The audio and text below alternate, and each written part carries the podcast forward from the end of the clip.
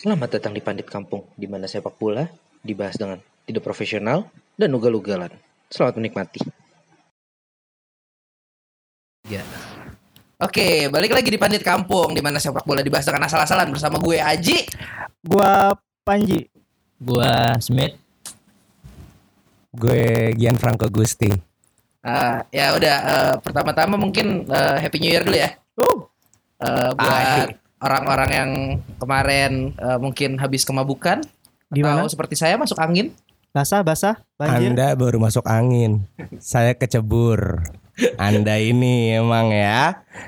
Jangan, oh, bukan. Tadi saya mau bahas. ya udah Jangan. langsung aja eh, Liga Inggris kemarin sebelum tahun baru ada kejadian sedikit anomali. Langsung aja kita gaspol. Eh aduh ini tim eh ya kan juaranya sebenarnya ada. Nggak ya, ada. i- ya lu sebagai fans Liverpool gua ngerti Jul. Eh, City Wolf berakhir anti klimaks. Klimaks banget, Ji. Eh, klimaks Malah. banget. Ya udah Iya. eh, siapa yang mau duluan? Siapa yang mau ya. Siapa yang mau duluan? Jadi sebenarnya gini loh, kan gue udah pernah bahas kan kalau sebenarnya City itu ya lagi bahan buradul aja belakangan ya. Masalahnya adalah menit ke-11 Ederson udah kartu merah. Hmm. Lo mau gimana lagi gitu loh, udah belakang lo jelek, kiper lo cabut satu, Ah, cabul. cabut. Oh, maaf. Udah cabut yang diganti ini Aguero soalnya. ya kita nggak bisa pungkiri lah eh, apa namanya signifikannya Aguero dalam permainan City gitu. Yang ditarik ke Aguero, yang masuk Bravo. Ya udah, kacur marut mainnya. Wolves juga kan bukan tim yang bisa dibilang tim ece-ece ya. Ada Traore lagi gila, Jimnya juga lagi bagus. Ya udah kelihatan permainannya. Ya kalau menurut gue sih nggak anti klimaks sih sebenarnya. Kayak ya udah, emang udah destiny-nya udah begitu, udah sulit banget dikejarnya. Lah si City udah ganti aja ininya apa? Fokusnya udah ganti aja, udah gak usah ke Premier League loh, udah jauh banget itu. Eh, jadi eh, menurut lo emang udah garis Tuhan begitu ya? Garis gue sebenarnya, Nyentot. garis gue. Eh, ya udah, tapi setelah tumbang 3-2 sama 3-2 ya kalau nggak salah. Ya, 3-2. 3-2 sama Wolves. Mereka bounce back di pertandingan kemarin. Eh itu lawan Everton dengan pelatih baru Ya, yang ya kita bahas Everton dulu ya dikit ya. Boleh. Kalau dari gue eh defensive Everton sloppy banget coy. Kebres mulu. defense-nya Everton. Ya lu gak usah kaget lah tim Everton gitu. Ya nggak gitu juga Jul. Ah, Depannya udah oke, cuma belakangnya agak-agak kurang rapet lah. Eh gini, sebenarnya gini. Eh trennya Everton kan dua game dua kali menang ya lawan eh, si Don Carlo ini, tapi lawannya kan bisa dibilang yang setara atau di bawahnya. Jadi kalau misalnya mau ngomong offense bagus, gua akuin offense bagus. Dominic Calvert-Lewin bisa dibilang touch-nya lagi ada nih. Touch-nya lagi ada. Masalahnya breaknya ini kan backnya punyanya si Marco Silva nih. Jadi mau lu sebagus apa dan lawan lu City gitu yang bisa dibilang lagi ngamuk nih. Gua habis kalah lawan Wolves. Gimana caranya gue bantai aja Everton ya. Walaupun menangnya juga gak juga banyak-banyak amat 2-1. Ya mainnya di Etihad kalau nggak salah ya. Ya, dilihat. Ya itu nggak usah kaget. Don Carlo masih dua minggu trennya bagus tapi kalau lawan tim gede ya jangan ekspektasi banyak lah. Sebenarnya kalau dari gue sendiri dia masih coba-coba formasi cuy, masih nyari cara. Ini tiga match formasinya beda semua kesenget gue. Eh, setuju setuju itu itu udah kayak kodratnya pelatih baru lah. Udah bukan pemainnya dia, maksudnya di Winter ya bisa dibilang Premier League lagi capek-capeknya gitu. Bu- Mit, masuk, bukan bukan bukan formasinya diubah-ubah tapi emang skemanya yang diubah-ubah. Dia akan bermain bola ketika bertahan dengan 4-4-2 dan dia nyerang dengan posisi 3-5-2. Itu yang memang dijanji nama eh, Don Carlo dengan komposisi pemain yang ada. Dominic eh Carlinson sebagai penyerang utama, si Bide dimasukin jadi winger. Bagi gue itu bukan masalah yang penting sih, tapi gimana dia menemukan inkonsistennya dalam pertandingan. Itu yang diperluin eh, se eh, apa ya? ya, yang memang sekelas Everton ya, yang lu bakal bisa bilang Chelsea, Arsenal dan lain-lain punya punya punya punya pemain yang lebih baik, tapi secara skuad dan apa pun itu nggak bisa lu menjanjikan permainan yang baik ketika lu nggak konsisten dalam permainan. Iya, Itu gue bagi agak setuju ya. Tadi seperti gue bilang, nih pemainnya bukan pemain Ancelotti gitu. Ini pemainnya pemainnya si Marco Silva. Jadi ya lo nggak bisa ekspektasi banyak. Ya depannya gue akuin bagus. Richarlison ya bisa dibilang top 6 juga masuk dia sebenarnya kalau buat klub ya. Sayang aja dia mainnya di Everton gitu. Mau mau apa? gue tertarik ini dulu nih match yang kalau buat gue nih kayak laki-laki yang awalnya lemah dikasih obat kuat langsung ngacreng ya kan langsung ngacreng nih ya ibarat kata begitu. Soalnya di awal itu City leading. Ini uh, City lawan Wolf ya City lawan Wolf. Oh ya. ya awal tuh City leading 2-0 walaupun gue tertarik sama penaltinya Sterling. Itu ngingetin momen ketika Hazard gagal eksekusi penalti lawan Crystal Ya Palace kelas lah tuh klub-klub nggak nggak ya jelas. kan? Dan akhirnya dia golin lagi. Mirip mirip banget ya kan? Sterling pertama di eh, di save sama Patricio dan akhirnya dianulir apa dianulir wasit. Akhirnya gol lagi. Tapi di sini kuncinya itu ternyata di Ruben Neves nih ya di 5 minute after break di eh, half time apa paruh kedua tuh 5 minute wah possession City tengah kalah men. Ya kan? Dan buat gue ini konsisten konsisten pen- apa penyerangan yang konsisten nih dari Wolves sendiri nih. Ruben Neves, Jimenez, Jota sama siapa? Yang kayak UFC badannya? Ah, Ada mak. Iya ada Matlore ini cemerlang banget akhirnya bisa ngebales 3-2 Nah kalau bicara tentang Everton Ya sebalik lagi ke teman-teman tadi Apa yang diekspektasikan dari tim middle table gitu kan. Mau sekelas Don Carlo pun Kalau material pemain masih kayak gini Dan ya mereka masih proses adaptasi gitu loh. Sebagai tim Ya Chelsea kan juga adaptasinya banyak nih ya kan. Ya mungkin harus butuh beberapa match yang yang tepat sih. Tapi buat gue ketika menahan City 2-1 buat gue bagus sih. Nggak nggak nggak terlalu jelek-jelek banget ya kan. Dan gue eh, senangnya adalah di sini yang paling gue suka Gabriel Jesus nih cemerlang nih Bres kan kemarin Gabriel Iya. Jesus Iya. That's, jadi buat gue ya Everton nggak jelek-jelek banget lah Ya itu tadi gue bilang Gol Gabriel Jesus dua kali brace Backnya kelimpungan semuanya Udah sama kayak sebelum Apa eh Gol Carroll yang dianulir Hmm. Itu ada momen di mana Backnya Everton tiga biji ketinggalan semua Eh, agak menarik di saat kalian bilang kalau misalnya Gabriel Jesus ini bisa bilang gemilang. Ya udah harus gemilang lah lawannya Everton gitu. Lo nggak bisa ngomong ah nih orang tiba-tiba bagus yang enggak. Lo tuh gantiin Aguero ya bisa dimain main gak sih Aguero kemarin? Eh gue lupa Ya intinya dia dari ujung tombak City tim gede ya tim gede lah sekarang lah. Ya ekspektasi kalian ya harus ya ekspektasinya fansnya Citizen ya dia, dia harus buat gol. Nggak ada yang spesial buat gua. Nggak ada yang spesial. Itu udah emang udah kewajibannya dia begitu. Lawannya Everton lagi. Sangat kop sekali opini Ya gimana? Mat mat lu mau ngomong mat Gue balik lagi ke Wolf deh. Gue bilang dengan 2-0 nya City di saat menit 11 merah Ederson itu bagi gue jadi perjuangan yang bagus ya. Sterling golin dan lain-lain. Tapi balik lagi ketika apa po- possession bola diambil alih sama Wolf itu gue nggak kaget karena apa? Secara stamina City kalah. Ya, berjuang di awal sampai akhirnya cipta 2-0 setelah itu kalau misalnya lu tanya City berhak kalah ya memang berhak kalah secara pemain aja secara, eh, secara di lapangan aja 10 berbanding 11 coy. Itu udah beda kelas. Ya kalau misalnya lu ngomongin possession dan lain-lain alah udahlah beda satu. Nggak berguna.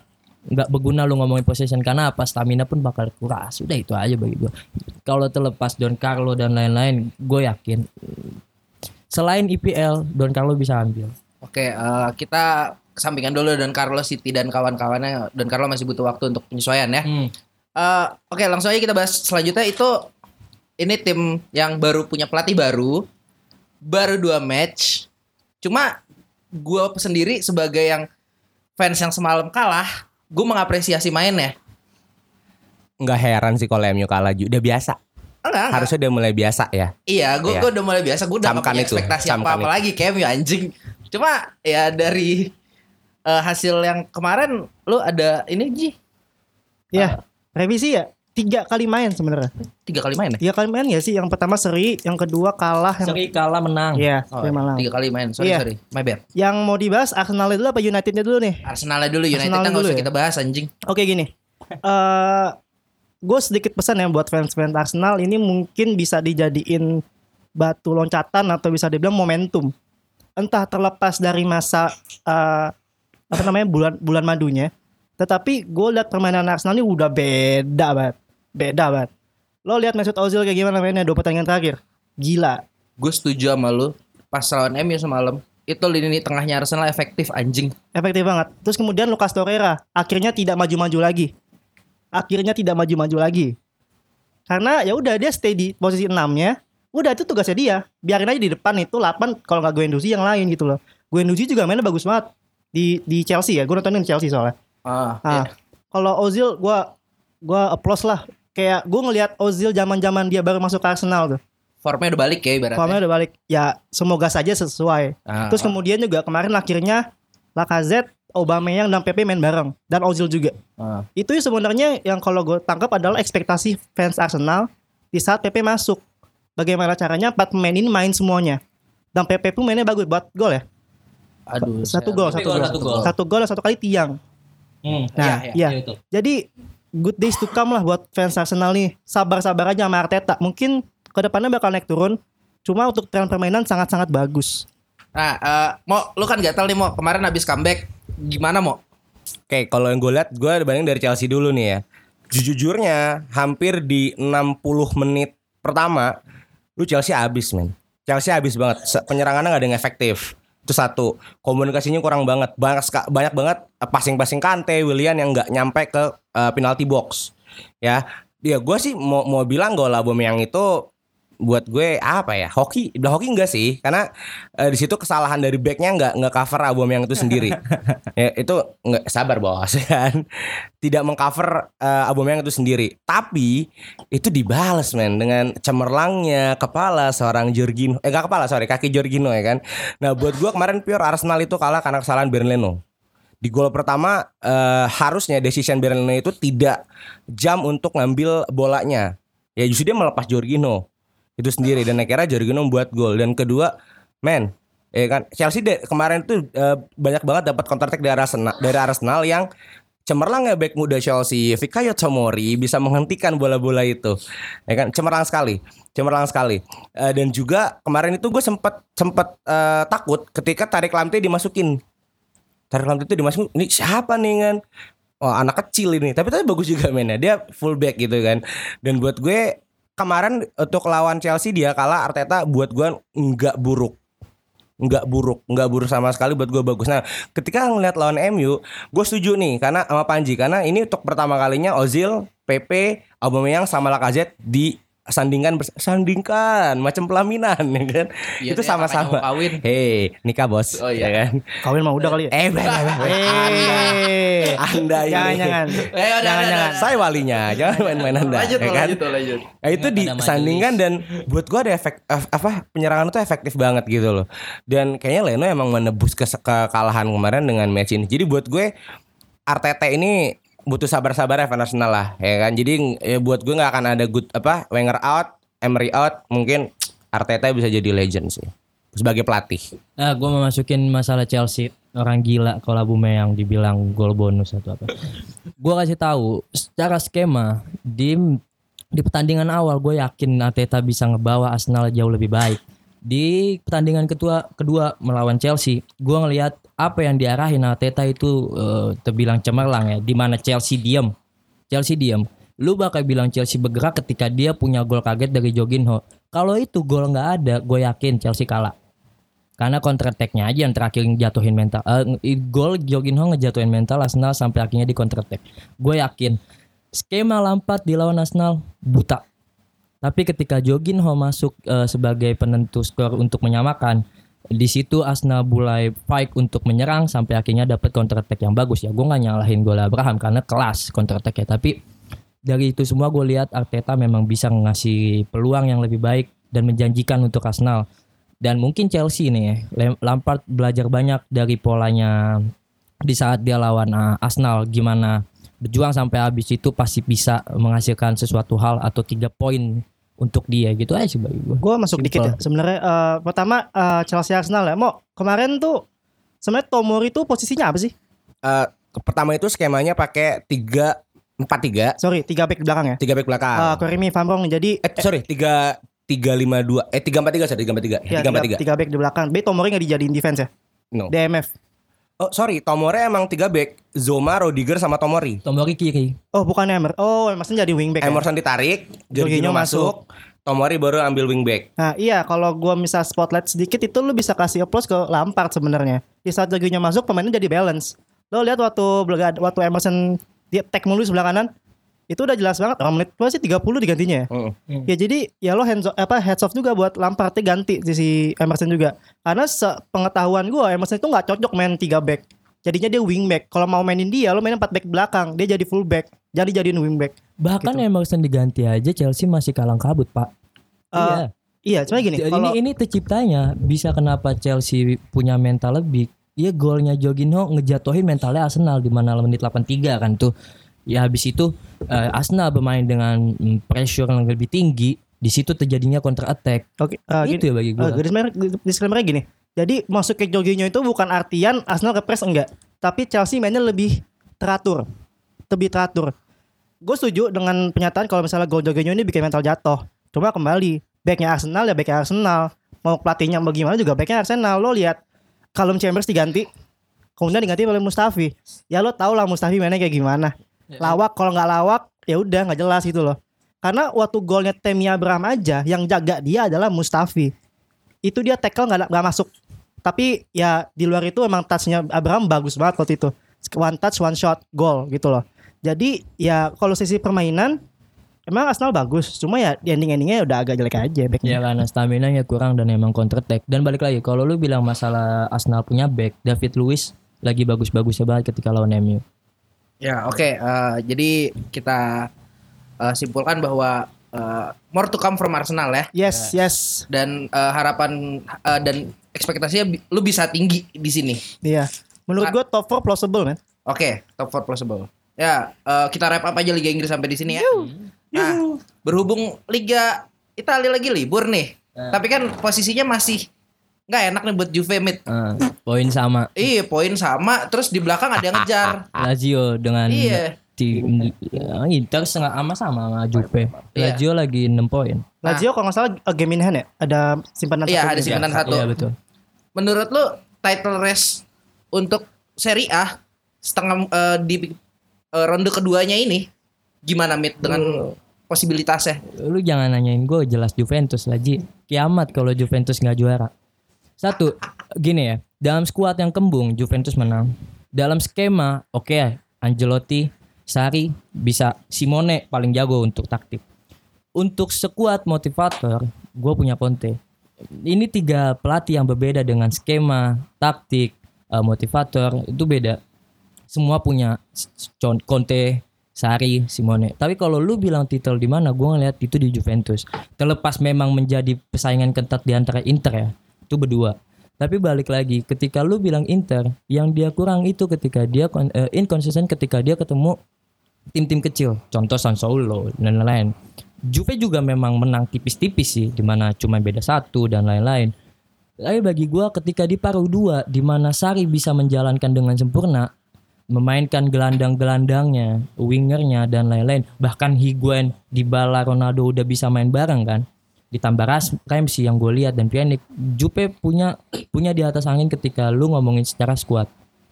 Ya kan? Lu bisa lihat eh, statistiknya Conte lah. Conte memang punya punya punya taktik yang bagus di mana semua pemain bisa mencetakkan gol. Beda dengan beda dengan Juventus ya. Tapi bagi gue bukan itu poinnya. Poinnya di mana lu bisa konsisten terus selama Serie A bermain kan. Dengan lu mesti punya skuad yang kembung, lu mesti skuad yang memang tinggi, kelas. Eh, Itu yang kurang di di Inter sih bagi gue. Eh, mau ada masukan? Ini ya kan. Juve memang tampak meyakinkan di awal. Tampak meyakinkan di awal. Ketika back kuncinya Giorgio Chiellini cedera, ambiar. Ibarat kata kalau di dekat bilang cidro. Cidra nih, Chiellini cedera langsung ambiar. Kita lihat penggantinya, Matis Delik. Gagal. Buat gue fail, Delit fail banget. Eh, beberapa match Delit ini menunjukkan adanya shaky di eh, defensive line Juventus. Berikutnya, nih gue asik ya kan. Terus juga eh, Juve memang punya positif front line-nya oke banget ya kan. Eh, apalagi si gendut Pipita Higuain Higuain itu performanya oke gitu kan. Dan eh, ada juga banyak sekali banyak sekali adaptasi-adaptasi Sari itu yang kesulitan itu sendiri. Ya kan? Nah, bagi gue Juve ini eh, harus apa cepat-cepat beli penggantinya Chiellini ya kan? Itu menurut gue ya kan? Nah kita lihat penantang utamanya Inter. Men kita bisa lihat men Inter musim ini dengan pergantian direktur football dan coach yang motivator ini membantu Inter banget men. Ya kan? Apalagi bisa beli seorang Romelu Lukaku dan disandingkan dengan sempurna sama Lautaro Martinez. Martinez memang pocher yang baik tapi Martinez juga bisa kerja sama tim yang baik dengan eh, Lukaku itu sendiri. Makanya gua akan bilang musim ini, Mit, hati-hati sama doa lu. Gua nggak mau dunia cepet kiamat bahwa Inter tahun ini akan juara. Gi- Gimana gimana lu bisa menyalahkan Cilini cedera ketika Jupe aja bisa menyamakan poinnya sama Inter ketika The Like main. Ya kan? Itu masalahnya mau. Kalau lu bilang The Like memang di awal-awal punya problem, ya memang. Tapi lu lihat eh, ke sekarang ke sini di mana Totten eh, dilawan di mana Liga Champion, Serie A dia bermain lebih baik. Bagi gue yang memang lu mesti lihat ya, bukan tentang kehilangan Cilininya, tapi memang eh, The Like Bonucci bisa disandingin dengan baik. Terlepas lu bakal bilang Inter dengan punya Godin, De Vrij sama Skriniar, ya memang. Cuman balik lagi ketika lu bilang Inter lebih baik, ya oke. Kita punya poin yang sama ketika gua nggak punya Cilini. Itu kan udah membuktikan kalau Jupe memang nggak ada kesalahan.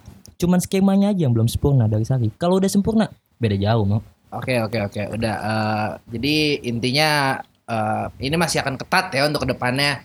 Eh, tapi dikit aja mat Eh, kalau menurut lo Lazio tuh skuadnya gimana mat? Gini gini Ji, gua ngelihat Lazio ngelihat Leicester di saat IPL dulu. Beda, mungkin bedanya Leicester sekarang udah di papan atas kan ranking 1 zaman dulu. Sekarang Lazio di ranking 3. Dengan dia ngalahin Jupe dalam satu bulan yang sama 3-1 dengan counter attack-nya, dia bermain dengan defense eh, klasik defense Italia di mana dia akan bertahan dengan 10 eh, 9 pemain, sisain satu pemain di depan dan siap buat lari Korea. Dan Immobile siap untuk menyapu bola. Bagi gue gini, Simone punya taktik yang lebih baik. Makanya kalau lu bilang Lazio untuk juara, Kens juara, dia punya, tapi 30%. Tapi 35% dipegang kedua belah pihak dari Juve sama Inter. Itu.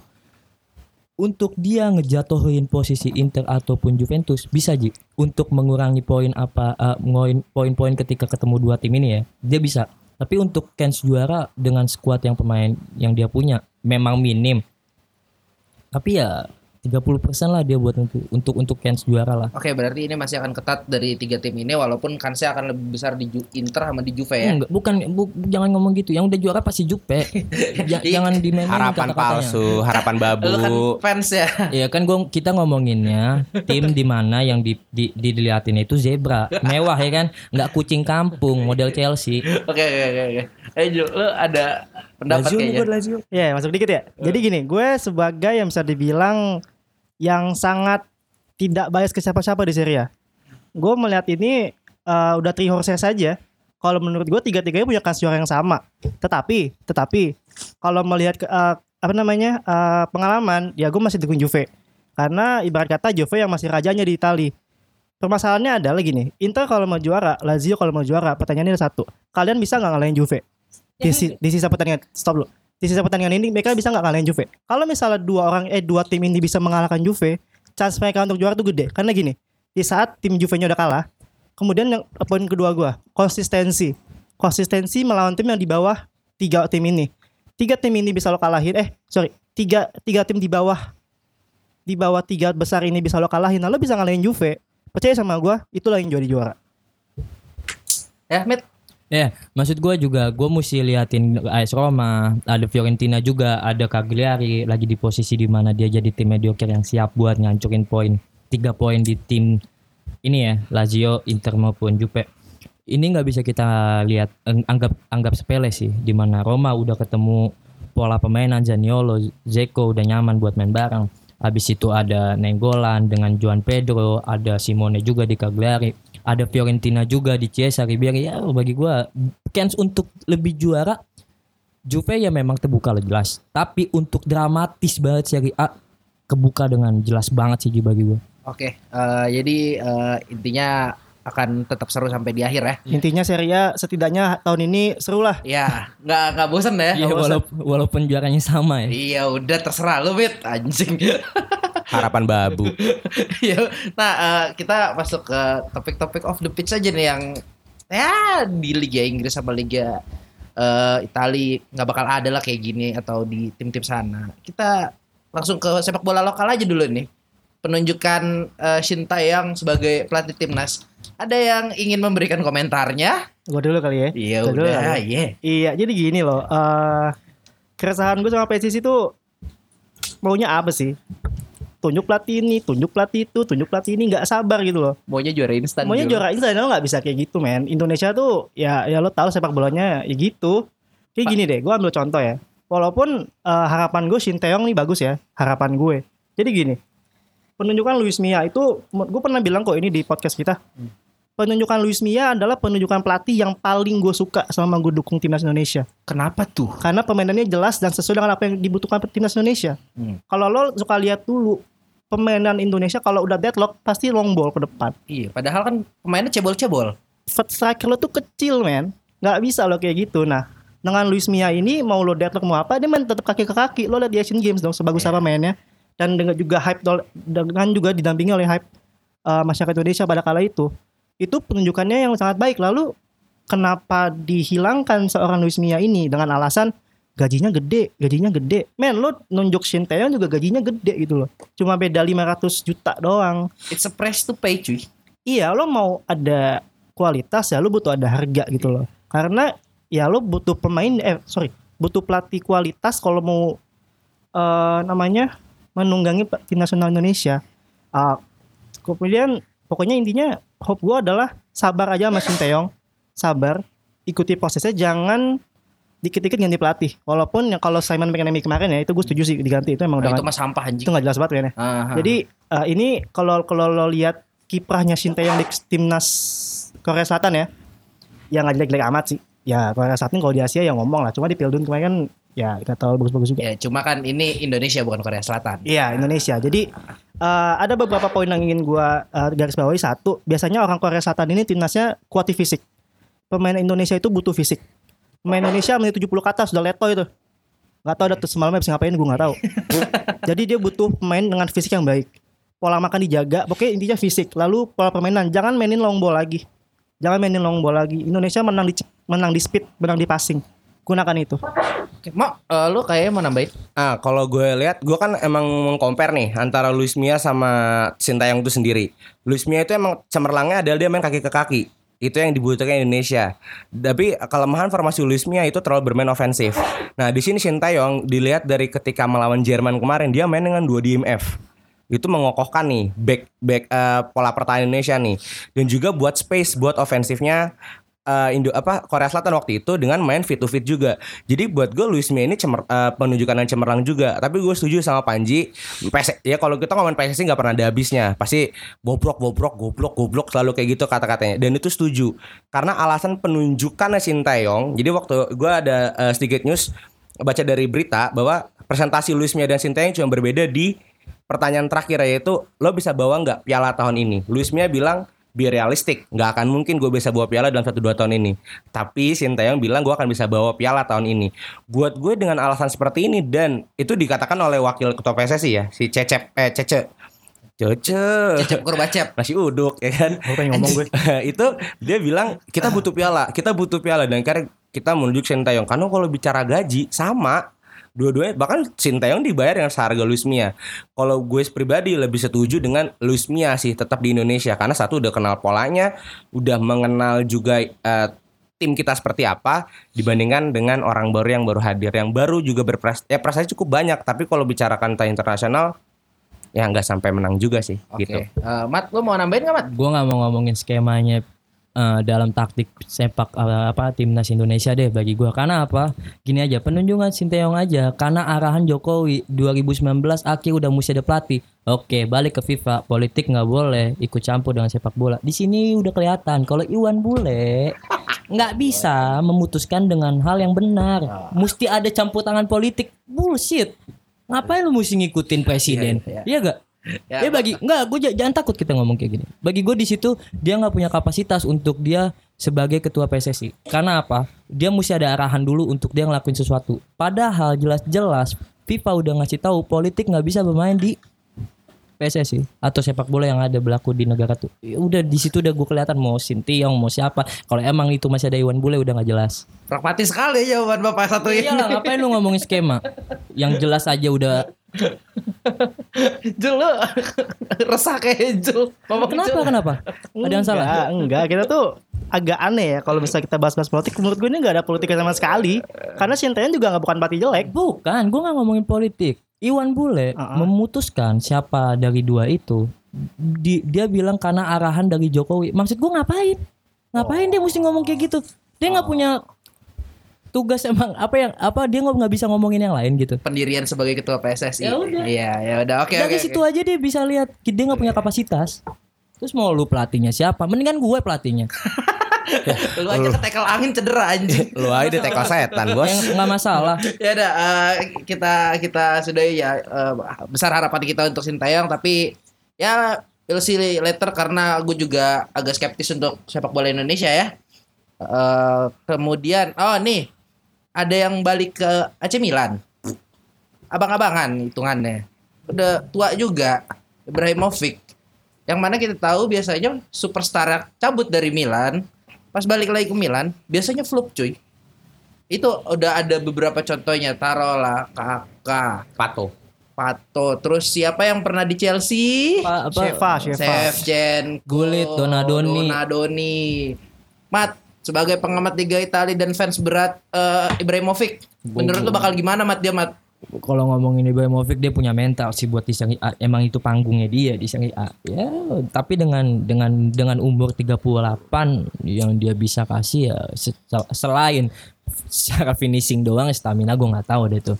Tapi tenang, dia punya duet Piatek kan. Bagi gua ya Ibra bisa bisa menjanjikan untuk AC Milan lebih baik. Bukan berarti dia bisa tiga apa empat besar atau tiga besar ya. Gue nggak ngelihat itu. Tapi yang gue lihat lagi sekarang di mana Ibrahimovic itu dia pengen ikut ke Serie A karena dia punya beberapa sindiran ke Ronaldo. Ngerti gak sih lo? Ini panggung Serie A lagi memanas dalam hal ranking maupun pemain gitu. Du- eh, rival dalam hal pemain. Ya, Ibrahimovic ya bisa bisa ngasih sesuatu hal yang baik lah ke AC Milan Eh, dalam hal finishing. oke eh, ya positif ya Smith jawabannya kalau lu mau gimana mau Gue cuma mau bilang ini statement Ibrahimovic nih. Jangan lo bandingin singa sama manusia, ya kan?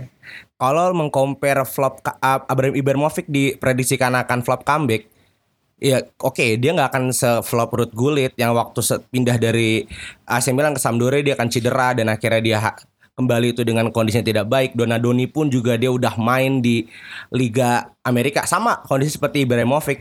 Tapi melihat kondisi fisik Ibrahimovic semakin tua semakin gres kayak Van der Sar gitu loh. Jadi gua akan bilang Ibrahimovic ini mungkin akan membawa perubahan baru ke Milan dan juga akan mendam ini dari sisi luar bola ya menambah nilai jual Serie A sih. Kita butuh bintang seperti Ibrahimovic untuk menaikkan AC, eh, Serie A lebih bagus lagi. Ya, ya itu dia bisa memberikan hal secara taktik nih ya, finishing doang. Selebihnya nggak ada. Paling mental doang buat pemain. Iya masuk dikit ya. Jadi eh, bisa gue agak setuju sama Smith ya. Gue nggak ngelihat kalau misal Ibra bakal starting jadi, jadi starting lineup di AC Milan weekend and week out itu. Karena kalau menurut gue agak sulit nih geser Piatek. Ya nggak sih? Agak sulit aja. Kemudian juga kondisi fisik. 38 tahun Zlatan Ibrahimovic abis main di MLS. Yang bisa dibilang fisiknya tidak terlalu demanding kalau lo main di Eropa. Gue gak ngelihat dia jadi starting paling kalau misalnya Piateknya capek baru dia masuk. Cuma kalau untuk fix jadi starting line, starting eleven enggak. Tapi sisi positifnya adalah mental. Iya, gue setuju. Butuh sosok yang bisa dibilang jadi panutan di dressing room. Itu udah paling penting. Eh gue dari dulu bilang kalau misalnya sosok yang dihormatin di dressing room itu sangat penting. Jadi eh, sosok Ibrahim ini bisa dibilang bisa jadi eh, panutan lah. Orang gede juga di Serie A dia kan. Jadi kalau buat geser Piatek sulit. Untuk jadi dorongan mental iya. Untuk mengubah permainan permainan AC Milan menjadi lebih baik secara signifikan enggak. Karena ya track recordnya juga nggak jelas. AC Milan lagi pokoknya tim lagi nggak jelas lah. Pembelian Ibrahimovic kalau buat gua pure hanya untuk ya udah eh, sosok dressing room aja. Tapi kira-kira nih, kan Milan sekarang peringkat 11 nih. Bisa nggak dengan adanya Ibrahimovic nyodok ke top half? Lu- Ini jangan lu benerin omongan gue pasti bener deh. Udah, ya. Gue pegel ngomong sama lu nih. Itu tagline Smith ya ngomong-ngomong. Secara finishing, Ibrahimovic udah pasti bisa. Finishing untuk gol pasti bisa. Cuman untuk ke atas untuk tiga besar atau empat besar, nah itu gue nggak tahu deh. Karena Pioli kita lihat kan eh, dengan skemanya yang abradul bagi gue nggak ngelihat deh tuh gue. Ah bahkan Atalanta kalah 5-0 ya udah. Top half, top half eh, possible ya. Tapi nggak di top 5 sih. Paling 6 7 8. Ah. Itu udah paling itu masih masih make sense. Untuk 5 ke atas enggak? Susah, susah kejauhan. Eh, kalau buat gua sih maksudnya Ibrahimovic ini hanya sedikit merubah. Jadi kalau lo mempertanyakan apakah merubah kondisi Milan atau enggak, sedikit iya, tapi enggak signifikan. Jadi ya lu bilang 8, gue pikir cuma 9 atau bertahan di 10 sih. nggak banyak nggak banyak merubah itu sendiri. Dia nyari gaji aja sebenarnya. Sepakat dan nyari fame. Nyari aja. Kontraknya dia 6 bulan dan nanti ada opsi perpanjangan satu tahun. Jadi dan naik gaji ya. Ya mungkin tahun besok bakal tetap ada. Ya udah. Cuman buat mental lo ngerti gak? Intinya Oke. jangan ekspektasi gede kepada striker 38 tahun di Serie A. Ya, oke oke oke oke. Eh, kita wrap up saja Ibrahimovic dengan segala ketuaan dan kegilaannya. Eh, kita akan sotoy-sotoyan nih seperti ya. Kita akan preview match. Mat. eh Serie A mulai minggu depan. Oh. eh dan kayaknya Imo mau ngomong nih ada buat eh, pertandingan-pertandingan pembuka Serie A. Eh, bisa dikasih insight-insightnya mau sebelum ditelan bulat-bulat sama Smith. Oke, kalau gue lihat ini akan ada dua match yang fantastis antara Inter Napoli sama Juve Cagliari. Gue tertarik untuk Juve Cagliari dulu nih. Juve Cagliari, eh, Cagliari sendiri tuh lagi bangkit nih. Cagliari sendiri lagi bangkit dengan ini dan ini bukan bukan hanya seorang nenggolan ya, tapi Cagliari itu lagi bangkit. Di mana dari komposisi pemainnya juga cukup baik, dari strategi taktik juga cukup oke. Bahkan tim sekelas Cagliari bisa meng- menghuni top 5, bahkan top 5 dari Serie itu sendiri. Nah, Juve sendiri ini sedang dalam kondisi mental yang menurut gue tidak baik. Kalah 3-1 oleh Lazio ya dengan dengan hancurnya dia di Lazio dua kali loh, bukan satu kali. Buat gue ini ada kans Cagliari merusak kans juaranya Juve. Ya kalah-kalah tipis lah satu kosong gitu. Nah kalau untuk Inter Napoli, oh Juve Tar dulu, Mat. dulu Eh, nih. tar dulu, tar dulu, Mo. Sorry, iya, Mo. iya. Ada yang gatel, Mo. Iya. Mat, lepehin, Mat. Eh, gini ya. Lu mau Jupe kalah 5-0 juga bukan Chelsea yang lu omongin mau. Itu satu. Kedua, Cagliari lawan Juventus. Udah, orang buta juga bakal tahu Jupe yang menang. Masalahnya di sini, lu buta karena lu kesel sama gue. Udah itu aja, ya kan? Udah itu aja. Kita, kita jangan ngebahas ke mana-mana deh, karena kalau udah masalah taktik, skema dan lain-lain, ini orang bukan yang pantas buat ngomongin kecuali gue, ya kan? kita bisa lihat kualitas panditnya nih. Dia cuma dari opini saja, ya kan. Kalau gue bicara dari pitchnya, lapangannya, perkembangan Cagliari dan bagaimana Juve terdegradasi mental, terdegradasi pola permainannya, ya bukan cuma sekedar kesel, tapi ini analisis Bung. Sorry ya Bung. Gini Bung ya, kalau lu mau masukin skema, gue bakal kasih tahu. Cagliari bermain dengan apa sih mau? Hah? Italian Basic Defensive System. Oke, Ya, aman banget jawabnya. Gini ya, Anjing. Juventus dengan possession bola, dia tinggal nunggu finishing. Itu hal yang paling bisa ngerubah eh, skor secara keseluruhan. Di mana Juve gue yakin bisa bisa main dengan skema yang paling bagus. Di mana Cuadrado bantu Kua- eh, apa Cuadrado ngebantu Dybala dan lain-lain. Juve tinggal nunggu gol ketika lawan Cagliari. Udah, lu mau ngomongin skemanya? Coba lu omongin udah kudek. Karena apa? Pertandingannya cuma begitu. Cagliari akan ditahan di kotak penaltinya dia. Setelah itu Juve enak bombardingnya. Mau shoot, shoot, shoot, shoot. Udah. Nenggolan. Gak ada apa-apanya mau. Nenggolan. Tenang ada Bonucci, ada The Light. Gue nggak bicara nenggolan, mit. Di sini ada Nathan Hernandez. Kita tahu capsnya eh, apa performanya dengan masuk full pass-nya. Yo Pedro, dia midfielder tapi bisa leading loh di di ka- apa top scorernya Itali. Jadi ini bukan hanya bicara nenggolan, ini Gua- bicara tim Cagliari Gue secara tanya gini deh. Joao Pedro, Simone. Bisa gak ketahan sama Light sama Bonucci? Secara akal logika aja mau. Bisa apa enggak? Nggak bisa karena Deleta kan shaky. Haha sorry ya. Ya udah, tar, tar dulu, Bet. Tar dulu, Bet. Tar dulu, Bet. Eh, Udah, udah. Lu berdua udah berantem nih. Udah, porsi lu udah banyak. Jul. Cukup ya. Jadi gini, eh, agak pusing mendengarkan kawan-kawan gue ini yang satu Juve sampai pegel, yang satu gak pengen Juve juara. Jadi gini men, kita ngomong common sense aja. Juve Cagliari mainnya di mana mat? Main di main di Cagliari. Main di Cagliari di luar main di Cagliari masih di atas Juve. Masih Dia Juve. main di Juve ya? Main di Alliance. Oh iya Cagliari menang dah kalau kata dia. Main di Juve berarti ya, main di Turin ya. Ya berarti bisa dibilang intinya Juve itu masih di atas. Mau dia lagi jelek apa juga dia masih di atas. Masalahnya kalau gue lihat trennya Juve ini mainnya masih belum yang bagus-bagus banget.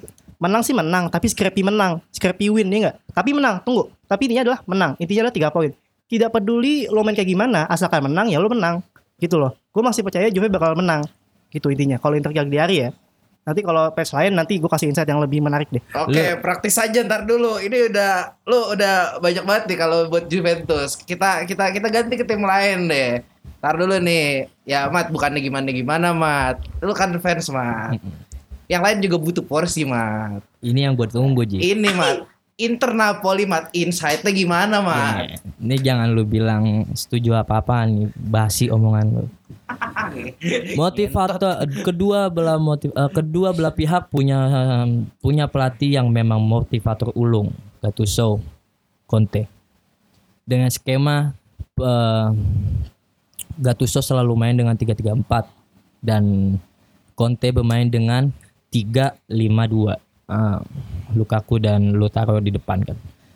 Untuk pemainan atau skema pemainan bola ini nih, gue ngelihat pasti pos- possession itu bakal dipegang sama Inter. Ya. Tapi yang paling penting ketika eh, counter attack, Gattuso selalu punya skema-skema yang luar biasa. Terlepas Conte juga bisa kayak gitu ya. Jadi bagi gue kalau lu bilang ini skor, gue akan ngeliat 50-50. Gue aman. Karena apa? Dua belah pihak memang pemain yang satu suka dengan counter attack, kedua belah apa Gattuso juga demen dengan counter attack. Ini membosankan untuk orang yang suka IPL untuk nonton ini gue saranin untuk nggak nonton ya. Tunggu-tungguan ntar mainnya. Ah iya, membosankan Ji. Tapi dengan peluang sekecil apa pun dan ditambah dengan finishing yang sempurna, gol bakal tercipta. Oke, eh, ada yang mau ngasih insight? Masuk Apa dikit ya. selesai, Mat? Masuk dikit ya. Ya. Iya.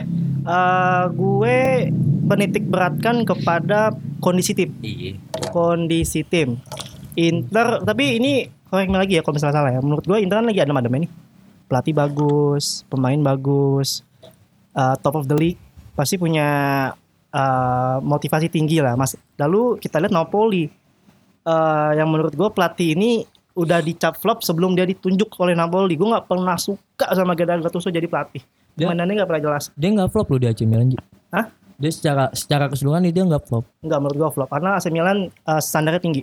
Jadi gini, eh, Napoli kon- apa komposisi pemain bagus, cuma permainan nggak jelas. Manajemen pun tidak jelas. Kalau Ancelotti eh, lolos Liga Champions dipecat ada apa? Kan waktu itu kita pernah bahas bahwasanya internal timnya lagi jelek, lagi nggak jelas.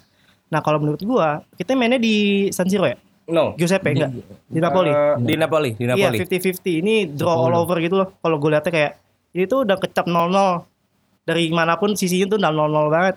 Tapi kalau misalnya gua ngomong tentang edge-nya nih, yang punya kas lebih besar untuk menang, gue masih lihat Inter sih.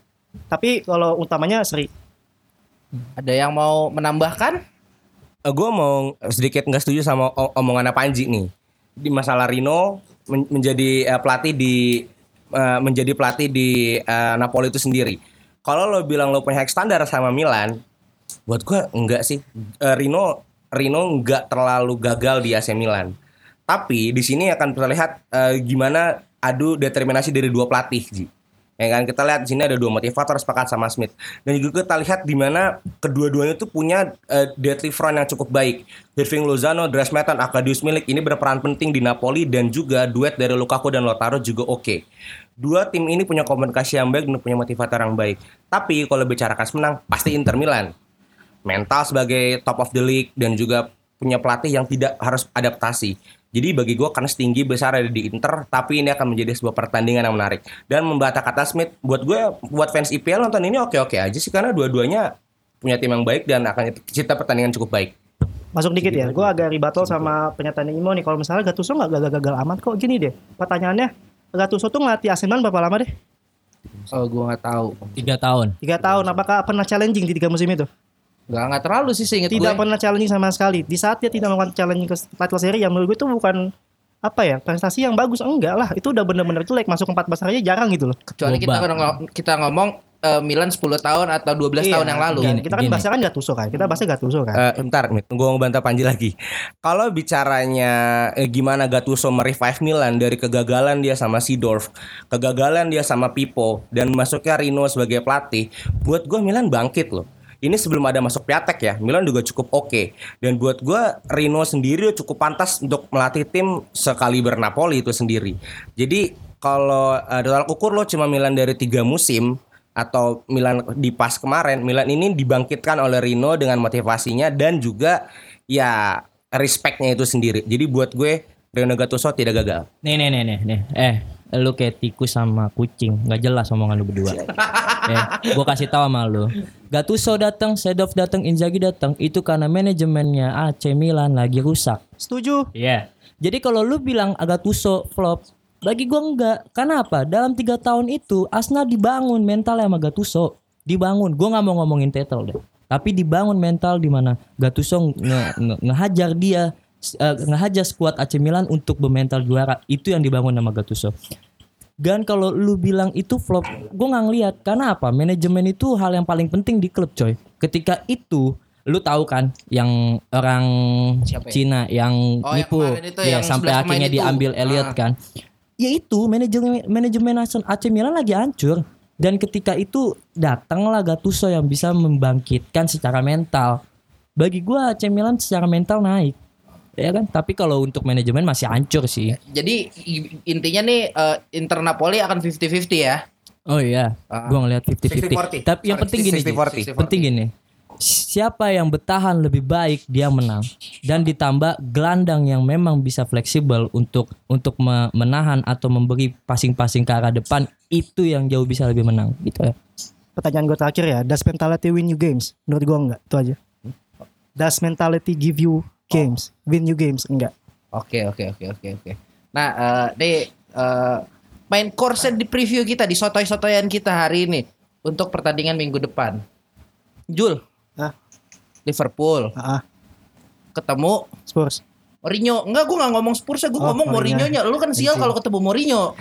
Nah, nih kansnya bagaimana ini sebagai fans garis keras? Oh siap. Eh gini, eh resahan gue adalah Liverpool ini jarang banget menang kalau away ke timnya Mourinho. Jarang banget. Gue lupa kapan terakhir kali Liverpool menang. Eh Liverpool menang lagi. Ya benar. Liverpool away menang di kalau timnya Mourinho. Mungkin tahun 2015 ingat gue. Liverpool, Chelsea Liverpool waktu itu 4-1 apa 4-0 gitu gue lupa. Under Klopp ya berarti. Under Klopp ya. Ah. Sebenarnya nggak under Klopp aja sih. Under Rodgers juga jarang banget masalahnya. Emang Away ya? Eh, away, away. Away ya. Ah. Gue nggak tahu. Tapi kayak Mourinho tuh punya resep tersendiri kalau lawan Liverpool. Gue juga bingung. Itu Didukunin kali lu. nggak ngerti gue. Entah main gamesnya bagus atau bagaimana.